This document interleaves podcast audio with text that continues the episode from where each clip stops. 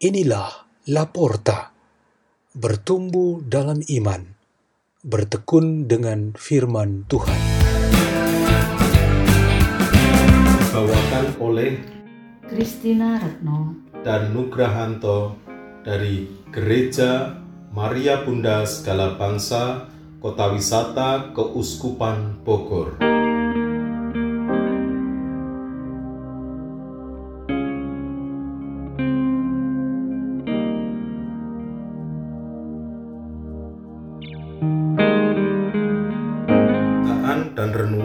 Sabda Tuhan hari Sabtu dalam Pekan Prapaskah kedua 6 Maret 2021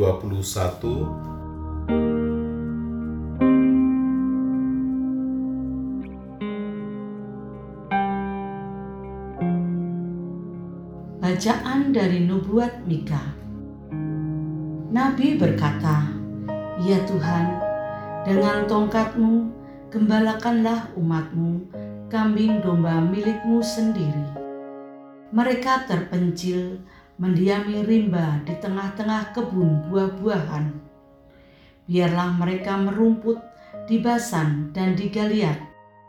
Seperti pada zaman dahulu kala, perlihatkanlah kepada kami tindakan-tindakan ajaib seperti pada waktu engkau keluar dari Mesir.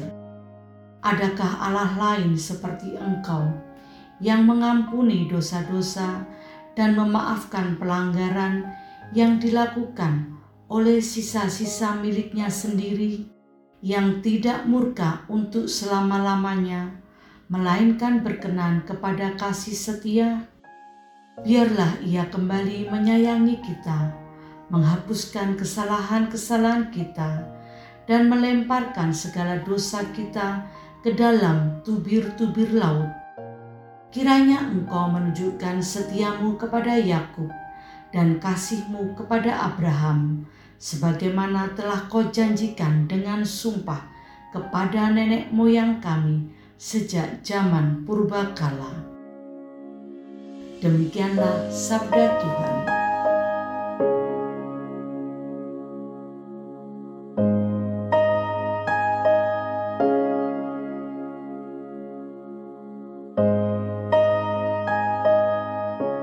Renungan kita pada hari ini bertema Kerahiman Allah bukan ketidakadilan.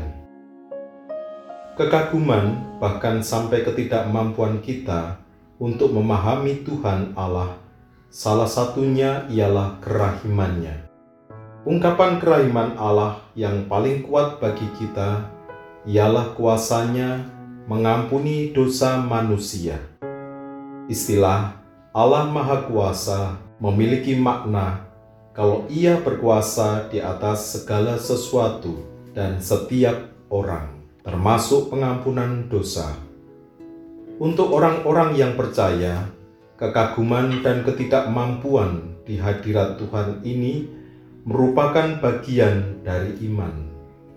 Sedangkan bagi orang-orang yang tak beriman, kemahakuasaan Allah dan khususnya pengampunan dosa tidak bermakna apa-apa. Nabi Mika dalam bacaan pertama mengungkapkan imannya dengan rasa kagum mendalam bahwa tidak ada Allah lain yang dapat mengampuni dosa-dosa umat ciptaannya.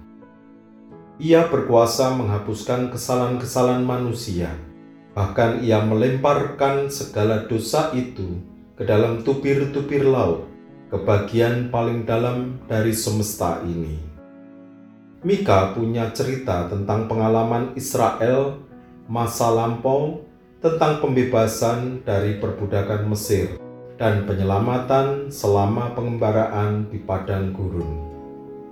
Sejalan dengan ini, Yesus membuatnya lebih konkret melalui perumpamaan tentang anak yang hilang dan Bapa yang penuh belas kasih kerahimannya. Hukum positif dan keyakinan akan keadilan menetapkan solusi atas suatu perbuatan dosa dengan hukuman yang setimpal dengan perbuatan dosanya. Orang-orang yang tidak percaya dan umumnya yang memakai cara berpikir ini berpandangan bahwa orang Israel yang sudah sangat berdosa berulang-ulang pantas dihukum berulang-ulang. Anak yang hilang itu mesti mendapat hukuman yang sama besar dengan dosa yang sudah ia lakukan.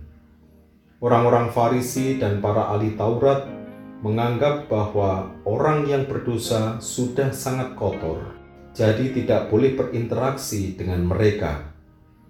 Ini semua berbanding terbalik dengan perbuatan Tuhan. Ia adalah Maha Rahim. Ia justru bergaul dan menyatu dengan mereka. Ia mengampuni mereka Inilah yang dipandang oleh cara berpikir tadi sebagai ketidakadilan. Tetapi sebenarnya tindakan kerahiman ini bukan sebagai perbuatan tidak adil.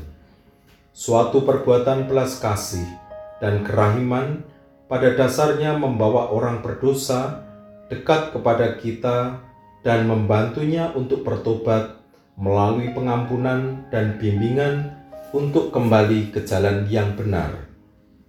Kehendak Tuhan sebenarnya bagi mereka ialah supaya tidak ada satupun dari orang-orang yang beriman hilang dari pengembalaannya.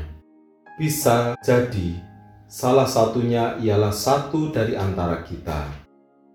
Kalau demikian, di dalam masa ini Anda dapat bekerja bersama Tuhan, mengembalikan Dia dari pengalamannya yang telah hilang sebelumnya.